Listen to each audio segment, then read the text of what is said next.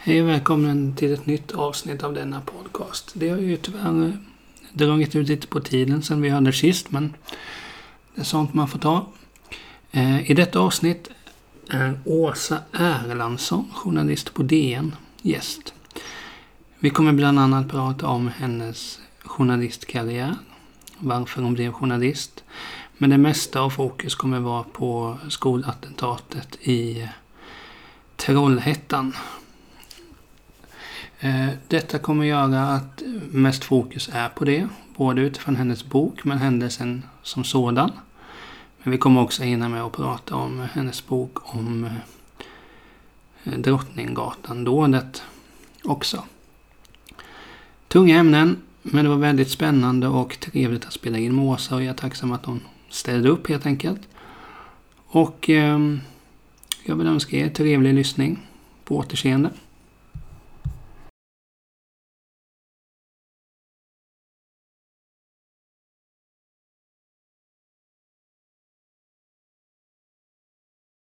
Så ja, hej och välkomna till ett nytt avsnitt av Tältmöten. Idag har jag den stora äran att ta med mig eh, Åsa Erlandsson. Välkommen! Tack så mycket! Känns det, känns det peppande att vara med? ja, alltså vi kommer ju prata om ett mörkt ämne. Ja. Samtidigt är jag ju glad eller peppad om man så säger att den bok jag skrev 2017 kommer till användning. Och samtidigt är det ju synd att den kommer till användning. Ja. Att den ska behöva göra det. Ja, lite så är det men i, vi, vi får se det som någon sorts utbildningssyfte eller något sånt. Men så är det ju. Jag la ner eh, väldigt mycket tid eh, och kraft på att göra den boken. Och eh, det är det som är fint med böcker också, att de, de får ett längre liv och de blir mer bestående. Så om den på något sätt kan bidra till den här fruktansvärda samhällsutvecklingen, eh, om den kan bidra till förståelse, om den kan bidra till att det förebyggs. Eh, och jag vet att boken också används i utbildningar på skolor, så, så då är det ju jätte, jättebra att den kommer till användning. Men grundplattan är ju väldigt sorglig, mm. Eh, att det sker skolattacker. Mm. Ja, det, det får man ju minst sagt säga. Det, finns, det kan ju inte finnas någon som tycker att det är, eh, är kul. Och nu när vi spelar in det här så var det bara för några dagar sedan det var skolattacker i USA också. Så det har ju inte blivit färre av dem. Eh, Nej, och eh, en av de vanligaste frågor jag får när jag är ute och föreläser på skolor, eh, på bibliotek eller i alla möjliga sammanhang den vanligaste frågan är också en fråga som förvånar mig, för att jag får ofta frågan eh, Du har skrivit om skolattacken i Trollhättan. Eh, tror du att det kommer hända igen? Ehm, och då svarar jag alltid att självklart kommer det hända igen. Varför skulle det inte göra det? Ehm, och frågan är lite förvånande, för det är som att man länge har trott att vi i Sverige skulle vara skyddade. Mm. Men varför skulle vi vara någon slags ehm, Ja. I någon slags bubbla. Eh, det, det, det, det, tror inte jag i alla fall. Nej. Nej, det tror inte jag heller. Men eh, den boken kommer vi eh, komma till, tänker jag. Jag tänker att vi får... Eh, eh du jobbar ju på DN. Mm. Eh, hur länge har du jobbat som journalist? 25 år. Ja, då, då har du dina knep. Men hur, hur kom det sig att du blev journalist? Det var, det var en, en, en, känsla och en övertygelse jag hade väldigt, väldigt tidigt, så länge jag kan minnas. Ah. Och det är lite lustigt för att jag hade inga, inga journalister i min närhet. Mamma och pappa läste alltid tidningen och följde nyheterna på TV, men jag kände ingen som var journalist. Ah. Och ändå så, så var det på något sätt självklart från början. Eh, jag har alltid älskat alla delar i yrket, både researchen, att ta reda på saker, eh, att intervjua människor, att befinna mig i olika miljöer och sen också själva skrivandet då. Ehm, så jag började göra egna tidningar i dagisåldern, eller förskoleåldern. och ehm, ja, jag tyckte det var så himla roligt.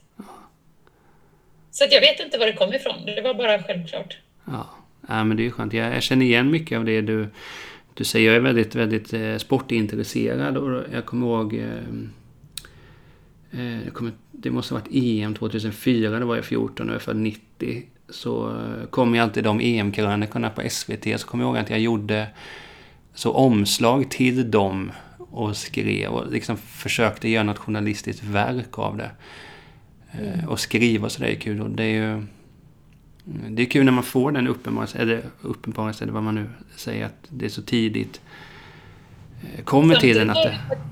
Samtidigt var det lite plågsamt för att efter gymnasiet så mm, då, då kunde jag ha klasskamrater som famlade ganska mycket vad skulle man göra? Skulle man ta ett sabbatsår? Skulle man plugga vidare? Skulle man åka till någon kibbutz och plocka apelsiner? Medan jag var inställd på mång, sedan många, många år tillbaka att jag vill in på Journalisthögskolan.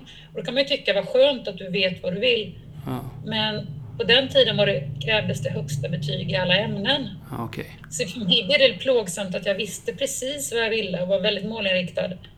Men det var inte inom räckhåll för att jag hade inte högsta betyg i alla ämnen. Så att jag, jag insåg att enda sättet är på något sätt att stånga sig in genom att göra högskoleprovet så många gånger tills jag till slut får så högt att jag kommer in. Ja. Um, så det, det, var verkligen... Jag önskade faktiskt då att jag hade haft fler alternativ i huvudet. Ja. ja. Men det, den känslan måste ju sen då när du har fått på papper och sen första introduktionsdagen där att yes, jag klarade eller tog sig dit i alla fall. Sen är det ju mycket på vägens gång man måste fixa. Ja, på den tiden, det här är ju alltså 90-tal vi pratar om, ehm, då var det ju ett, ett, fortfarande ett, ett, eh, något av ett statusyrke. Det var högre söktryck per plats till Journalisthögskolan än många andra utbildningar. Läkare, jag tror det var i närheten av kanske söktrycket till psykolog och läkare om jag minns rätt. Alltså det var väldigt, väldigt konkurrens.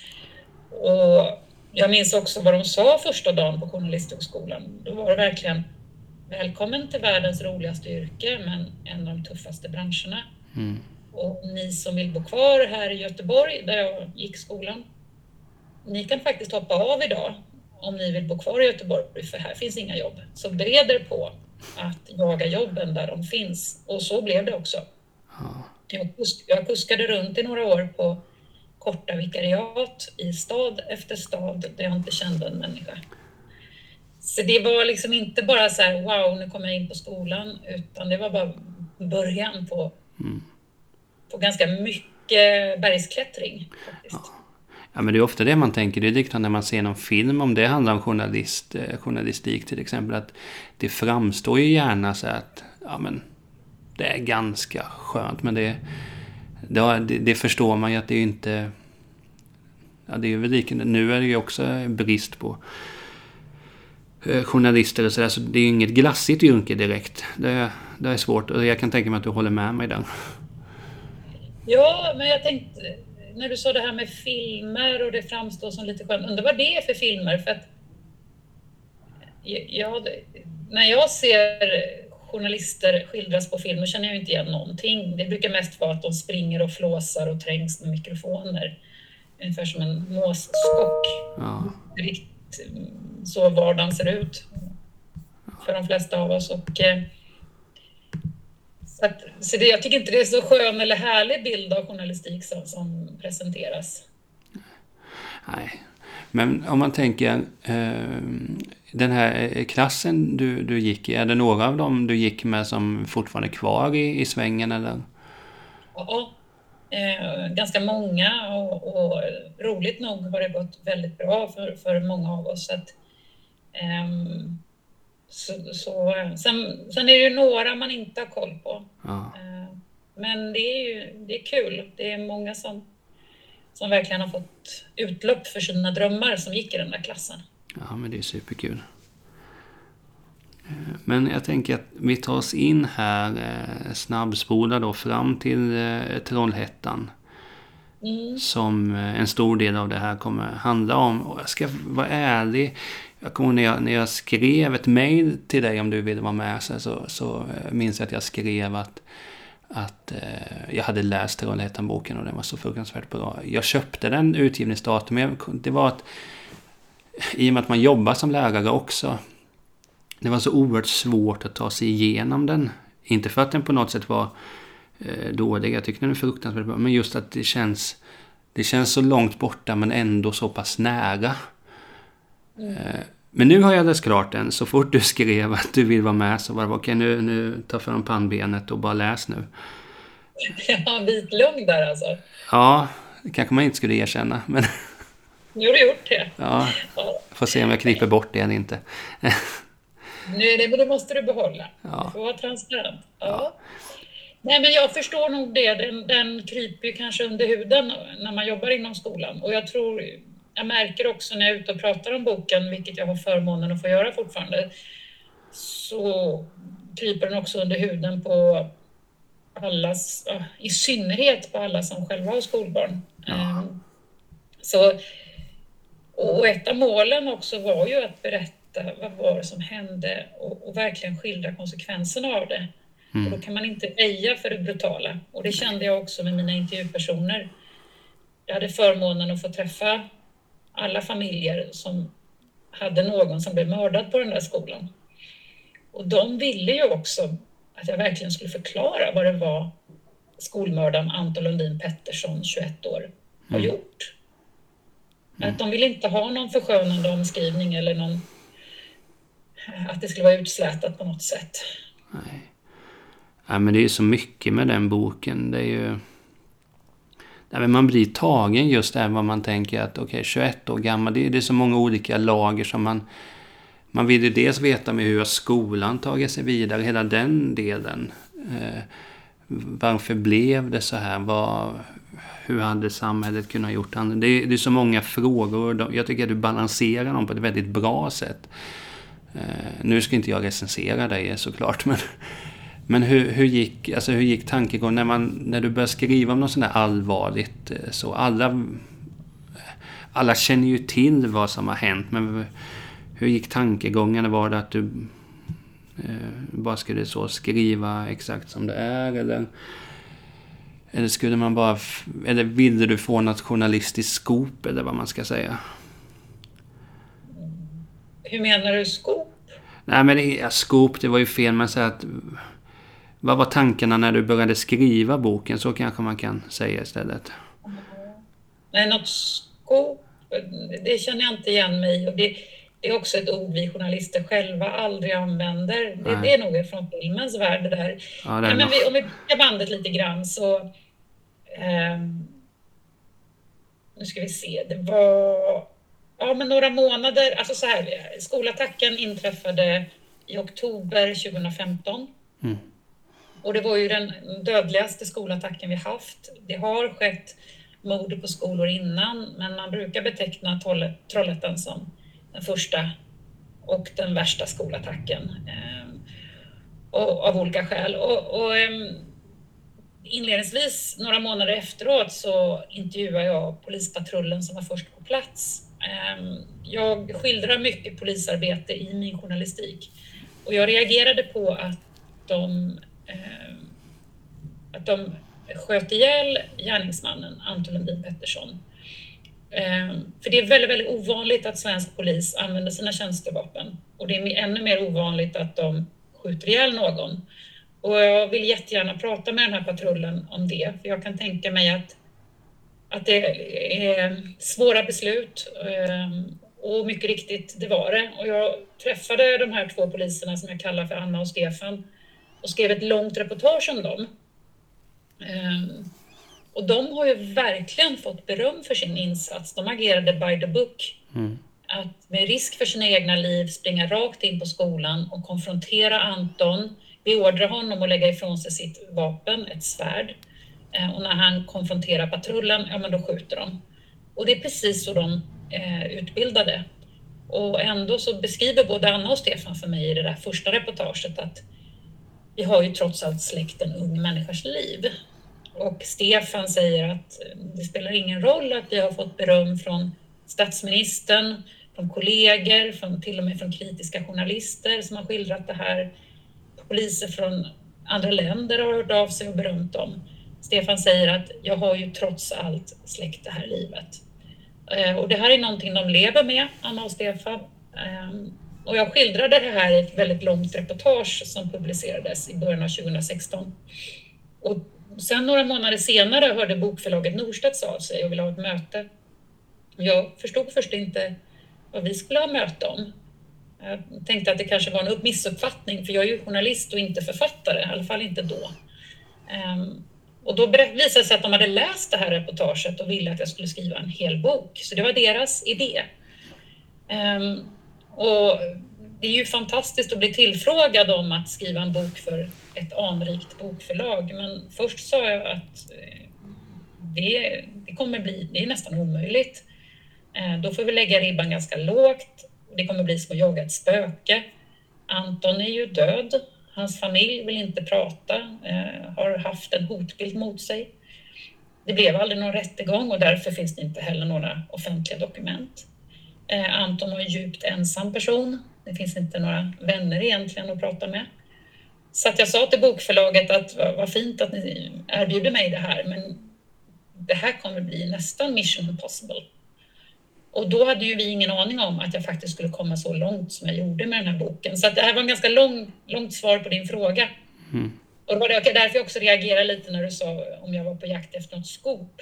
Det var snarare tvärtom. Jag, jag försökte förklara för bokförlaget hur svårt det här skulle bli. Mm. Ja, men det, för, alltså det, det, det, det förstår man. Det, det är också det man tänker sig att... Det slog mig nu när du sa det, att det inte var någon rättegång. Alltså, det, hade varit, det måste ha varit skönt att haft, eh, förstå mig rätt nu då, haft det att kunna, inte luta sig mot, men att man ändå kunde ha det som någon form av eh, research, eller vad man ska säga.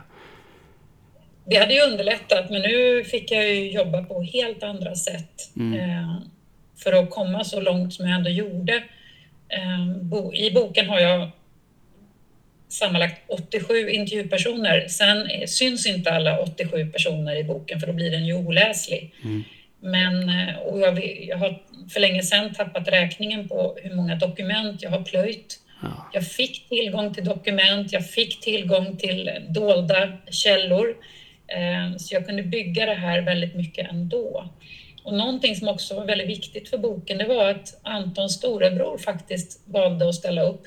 Mm. Och det är första och hittills enda gången som någon i hans familj har pratat överhuvudtaget. Um, så det var, vi kom längre än vad vi någonsin hade trott. Och det utan den där rättegången och utan de där eh, offentliga dokumenten. Ja, nej men alltså den är ju, som sagt nu när jag väl har läst Heda så, så är man ju, alltså den, den är ju fruktansvärt bra. Det, det är också det som jag Eh, var inne på lite tidigare, att det är ju det är många olika delar du får med på ett väldigt bra sätt. Och det är det om vi, om vi börjar med, med, med Anton där och när du sa brodern, det är också det som är... Eh, det, det höjer ju så otroligt att, att eh, brodern var med. Sen hade man ju förstått om man inte hade velat vara med. Det är ju inte så kul att prata om kanske, men vad var hans... Eh, eh vad ska man säga? Eh, nu tappar jag orden här, men, men just när han, för när han också pratar om ensamheten som Anton känner. Det är ju det är rörande då, man börjar ju tänka att hur hemskt det måste varit helt enkelt. Jag gjorde ett helt, eh, en helt annan intervju vid sidan av boken med en intern på Kumlaanstalten eh, som är dömd för ett allvarligt brott. Och han hade läst min bok om skolattacken och han sammanfattade ganska bra. Han sa Anton var ett monster, du gjorde honom till människa. Ja. Men och med det menar ju både den personen och jag själv att min bok ursäktar ju inte den här handlingen på något sätt. Det Anton har gjort är, eh, han har ju förstört livet för så många. Och eftersom han har attackerat för honom främmande personer så har han också gjutit skräck i människor som, som än idag tittar sig över axeln. Anton begick ett rasistiskt dåd. Han valde ut Kronans skola i Trollhättan för att nio av tio elever hade utländsk härkomst.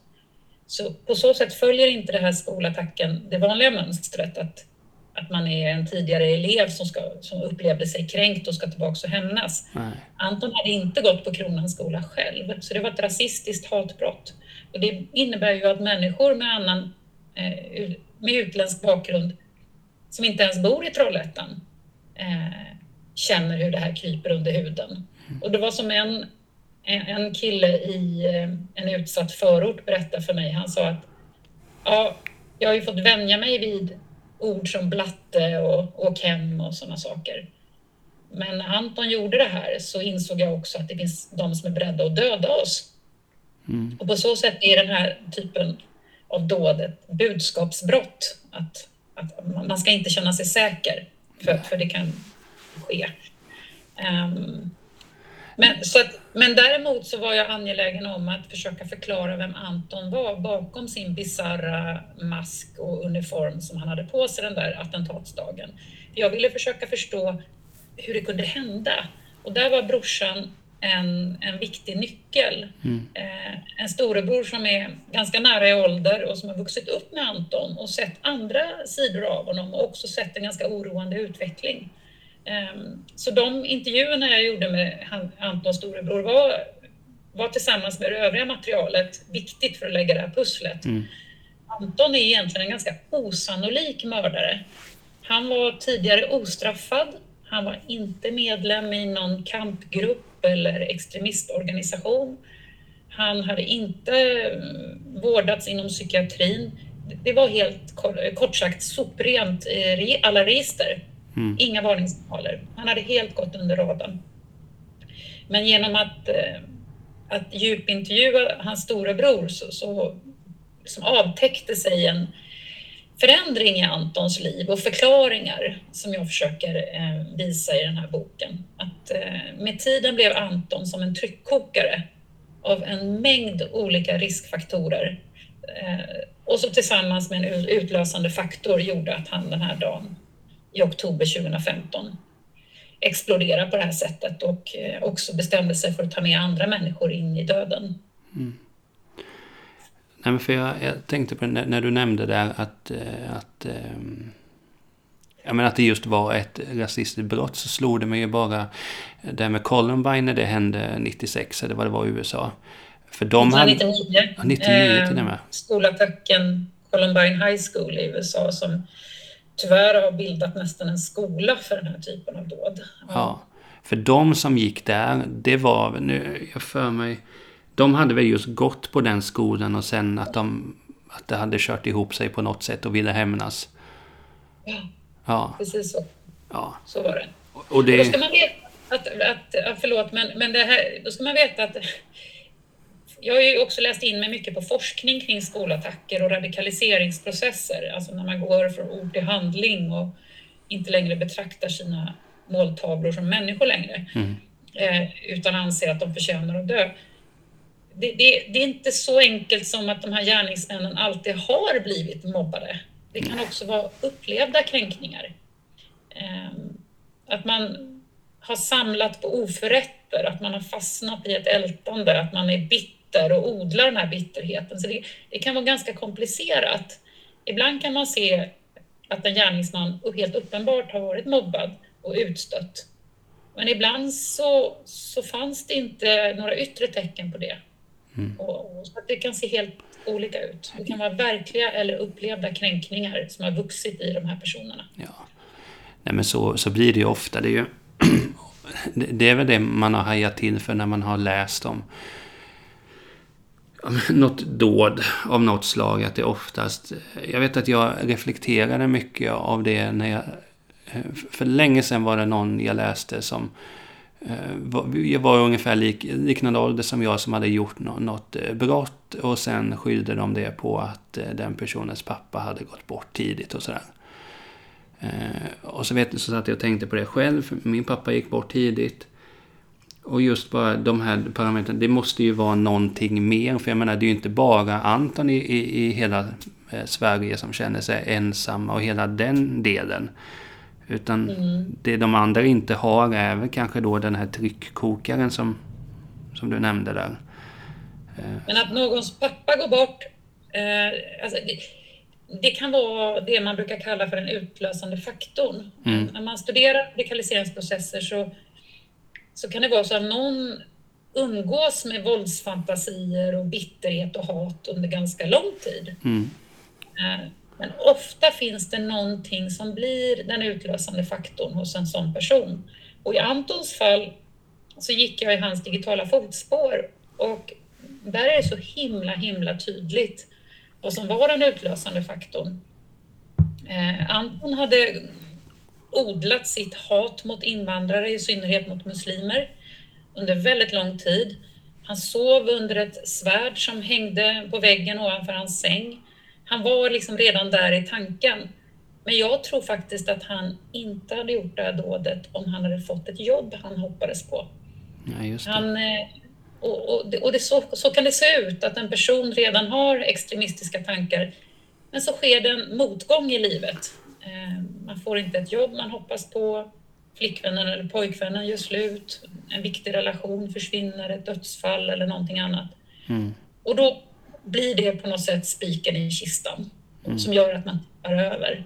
Och man kan ju inte förenkla Anton med att ja, han fick inte ett jobb som han hoppades på, då gick han till attack. Utan det, det måste ju förstås i ljuset av så många andra riskfaktorer där jag tror att den absolut viktigaste var den här livslånga ensamheten. Eh, att han i princip inte hade några nära fungerande relationer. Och sen fanns det ju också, det upptäckte jag i min research, att det fanns eh, ännu mer. En osäker sexuell identitet som var, eh, som var egentligen otillåten i hans eh, uppväxtmiljö. Och, och, flera andra saker som jag berättar i boken som tillsammans bildar den här tryckkokaren. Och så är ju en utlösande faktor ovanpå det. Ja. Och det, men det kommer man ju ihåg också när eh, Ja men alltså det räcker ju med att man säger Trollhättan så börjar man ju eh, tänka på detta, tyvärr.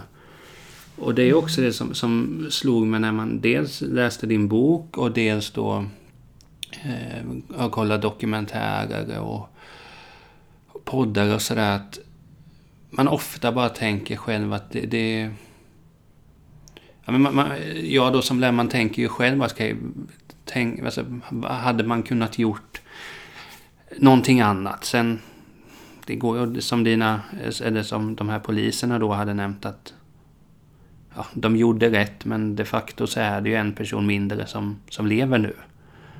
Mm. Eh, men, och det eh, kanske man inte tänker på men bakom Anton finns ju en sörjande familj som också betraktas som brottsoffer. Ja. Ehm, de hade ju, det är ju som storebror sa till mig i en av intervjuerna att eh, hade jag, att han, han hade ju ingen aning om vad Anton planerade att göra och som storebror sa, hade jag, haft, hade jag vetat något hade jag gjort allt för att stoppa honom. Ja. Nej, men det, det är ju det är rörande. Men, men just det som också man tänker på, alltså hur alltså säkerhetsaspekter också. Så att det är ju, det, alltså många gånger känner jag själv att det är för lätt att ta sig in på en skola överhuvudtaget. Och mm. uppenbart så så kan ju saker och ting hända och det har ju hänt i, år också. Och det är just där, det var ju många gånger det var liksom mardrömmar om detta. Men man bara tänker att det blir en, en hopplöshet. Vad, vad kan man göra annorlunda? Och just i det här fallet att det är så utstuderat då. Att okej, okay, vi går till den här skolan just för där bor de här personerna som har förstör, som, som förstör. Och nu eh, och nu ska jag ta dem helt enkelt. Så... Om vi börjar med säkerheten på skolan så tycker jag det är väldigt, väldigt konstigt att vi vuxna i princip låser in oss på våra arbetsplatser medan barnen på många, många skolor är helt oskyddade. Det hänger inte riktigt ihop. Jag frågade kommunalrådet i Trollhättan hur han såg på det här och då menar han på att ja, men vi ska ha öppna skolor, vi värnar vår demokrati, vår öppna samhälle. Mm. Men när jag ställde följdfrågan, ja men för att träffa dig här i kommunhuset var jag ju tvungen att anmäla mig i vakten och blippa mig förbi låsta dörrar. Ja. Ska liksom inte bli... Varför är det barnen som ska bära den här öppenheten själv? Mm. Och det hade han inget riktigt svar på. Jag tycker inte det hänger ihop. Nej, men det gör det ju inte. Det är också bara att tänka på eh, sinnebilderna. Eller så här, när man själv tänker tillbaka när man gick i skolan, då var det alltid så där att Eh, alla, okej okay, nu är det rast ut och så satt eh, lärarna inne på personalrummet mer eller mindre låst och, eller stängt dit och allting. Men, men det, det, det blir som en hopplöshet att visst, man, eh, man kanske ska behandla skolorna som ett ett företag på det sättet att det ska krävas eh, blippar hela tiden och gå in och sådär. Men vad blir det då för samhälle egentligen? Så ja, men... Så det blir fram och tillbaka hela tiden där. Fast jag tänker, det här med samhälle, alltså om man har lite respekt också för att skolan är ju barnens arbetsplats, om man tänker så. Det, ja. En skola är ju inte ett bibliotek, eh, ett medborgarkontor, utan det är faktiskt barnens arbetsplats. Och att de ska förtjäna eh, studiero och en arbetsmiljö som vi själva kräver, vi vuxna. Mm. Ehm, det är ett problem som inte är så allvarligt som skolattacker, men allvarligt ändå. Det är ju när elever från andra skolor kommer till en skola för att söka upp någon antagonist eller någon de ska tjafsa med. Mm. Ehm, om vi bara tar sådana så här vardagsincidenter. Jag var nere och gjorde reportage i Kristianstad efter skolattacken som de hade där den 10 januari mm. i år. Och då berättar de ju där att kort efter den skolattacken så kom det just ungdomar från en annan skola och skulle plocka någon, som de uttryckte sig, mm. på den här skolan i Kristianstad. Eh, nu är den skolan i Kristianstad låst och det krävs just blippar för att komma in. Men det, det händer ju så mycket annat än skolattacker. Ja, ja. Och, och, varför ska inte barnen få eh, en arbetsmiljö som vi vuxna kräver? Men då, då kommer alltid motargumentet. Flera skolattacker utförs av en elev som redan går på skolan och då hjälper inga lås. Um, men då menar jag på att ju, Anton, han tog sig ju in på en öppen skola Eh, där han inte själv gick. Och sen som sagt så händer det ju mycket andra incidenter som man skulle kunna förebygga. Mm. Ja, men det, det, ja, det är så mycket med, med, skolan, så ofta när man bara pratar om skolan så är det ju eh, många gånger, känner jag i alla fall just det att ja, men det, ja, men man pratar om resultaten som är i skolan just, men det är ju sådana här delar som Ja men det är bara, alltså nu bor jag i Kalmar, går man runt här, det hade ju inte varit svårt att ta sig in i skolan på, på, något, alltså på en skola man inte jobbar på. Det hade ju varit jätteenkelt att just bara kunna vara där, en elev från någon motsvarande skola och bara eh, ta hand om, om personerna. Men ja, jag tror inte vi kommer komma fram till den lösningen här tyvärr. Eh, I vilket fall. Men just också det du säger om det här med Eh, med Anton, det här med eh, att han var så ensam. Det är också väldigt rörande, den delen. Eh, när du får tag på hans eh, chattkompis. Ja, holländaren där ja. Ja, just den delen också att... Uh, alltså, det kanske var... Uppenbart så var det ju den enda han hade. I någon Precis. Eh, hans enda vän i världen var en digital spelkompis som sen upp, jag hittade den här holländaren sen och då berättade holländarna att de aldrig ens hade träffats.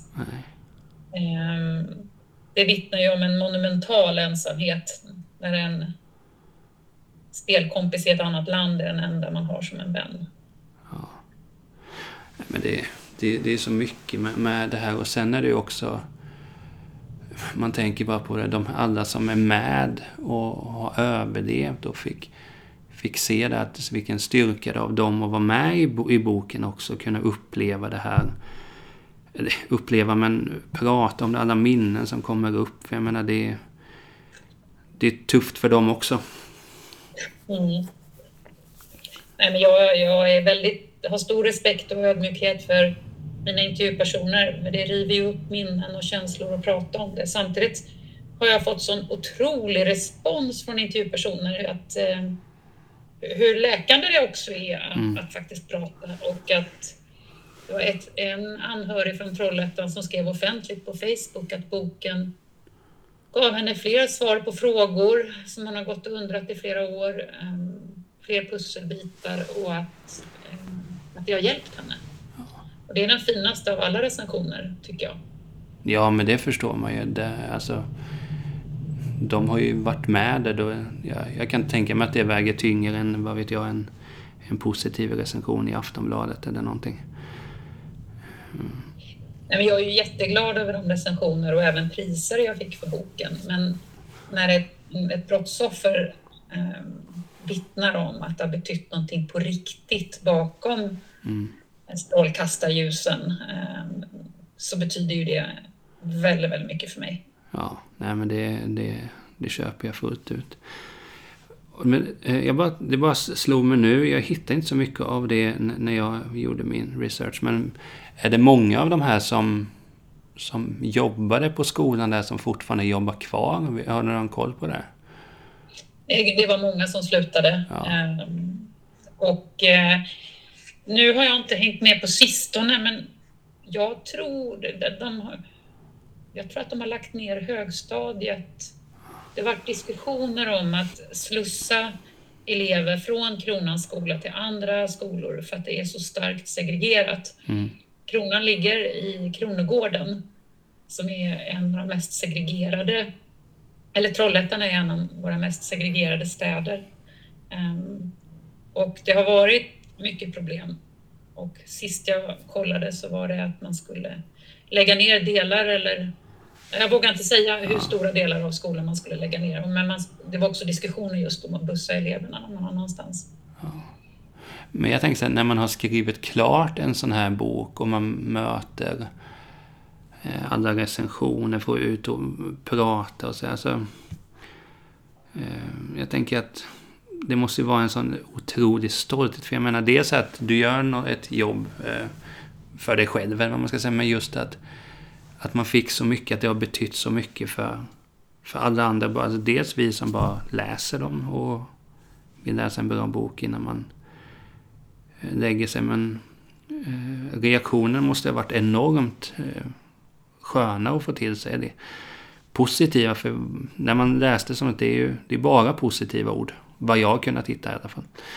Det är faktiskt ganska sanslöst. Eh, och jag kom ju med en annan bok nu, min fjärde bok kom nu sista mars. Mm. Och den handlar ju om ett annat attentat och det var ju terrordådet på Drottninggatan. Mm. Ehm, som också är en milstolpe i svensk historia. Det var det första fullbordade terrordådet riktat mot Sverige. Och den har också fått ett sånt oerhört varmt mottagande, både då från recensenter men även från brottsoffer.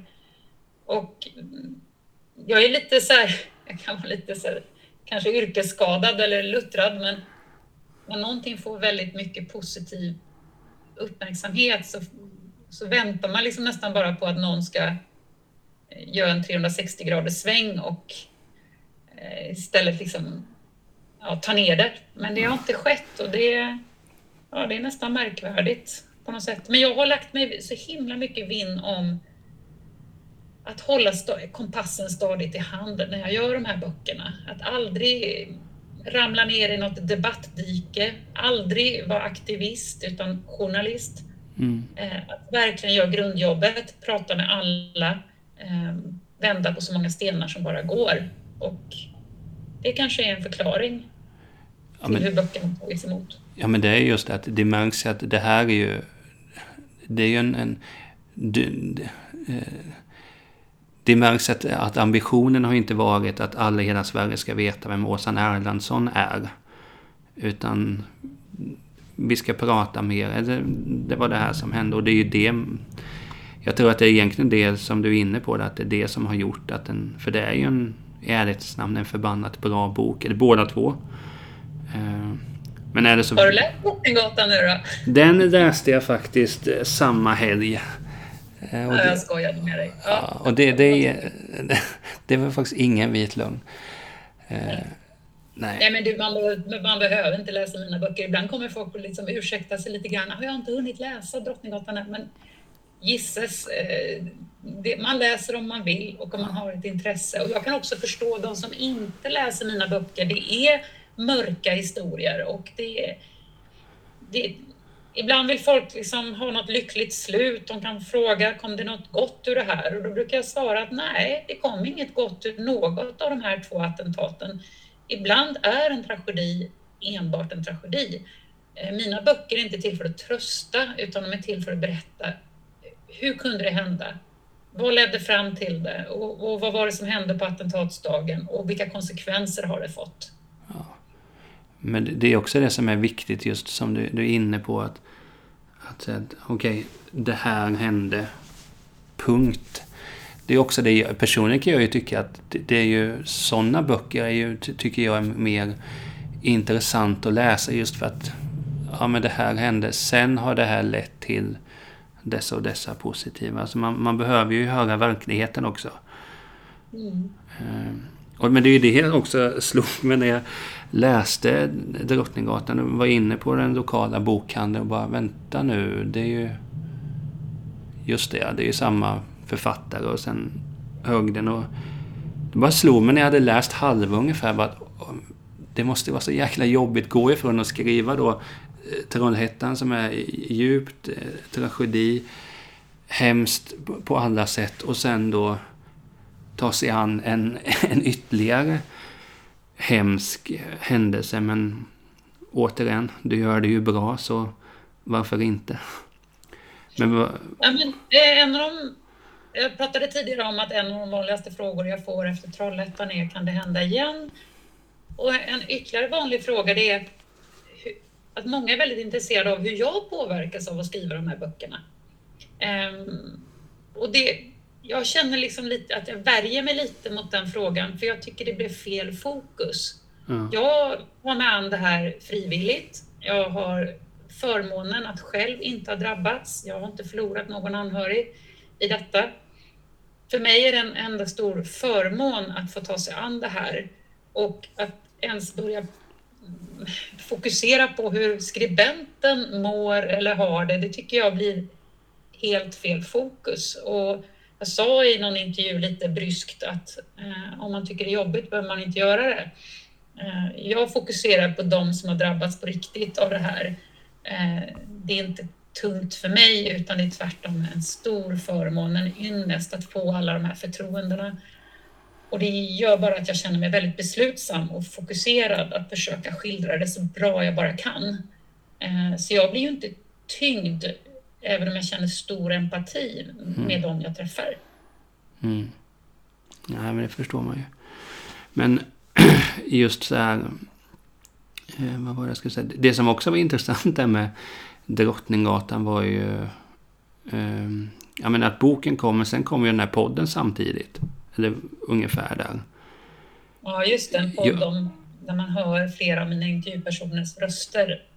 En podd vi gjorde och publicerade på Spotify. Ja, och den är ju också, det var, det, det märkte jag också så att, att när den kom ut på att okej, okay, den där ska jag eh, lyssna på. Så först tänkte jag att jag lyssnar på den samtidigt som jag, lyssnar, som jag läser boken. Jag lyssnade första avsnittet och samtidigt, men sen tog jag bara beslutet att jag läser klart boken först sen läser vi. Eller jag läser klart boken, sen podden.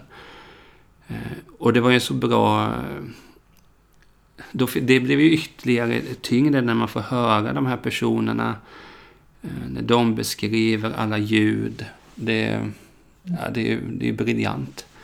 Men var det någonting ni visste, alltså du visste från början att, att den här podden ska vara med samtidigt? Eller kom det allt eftersom? Nej, men det visste jag inte.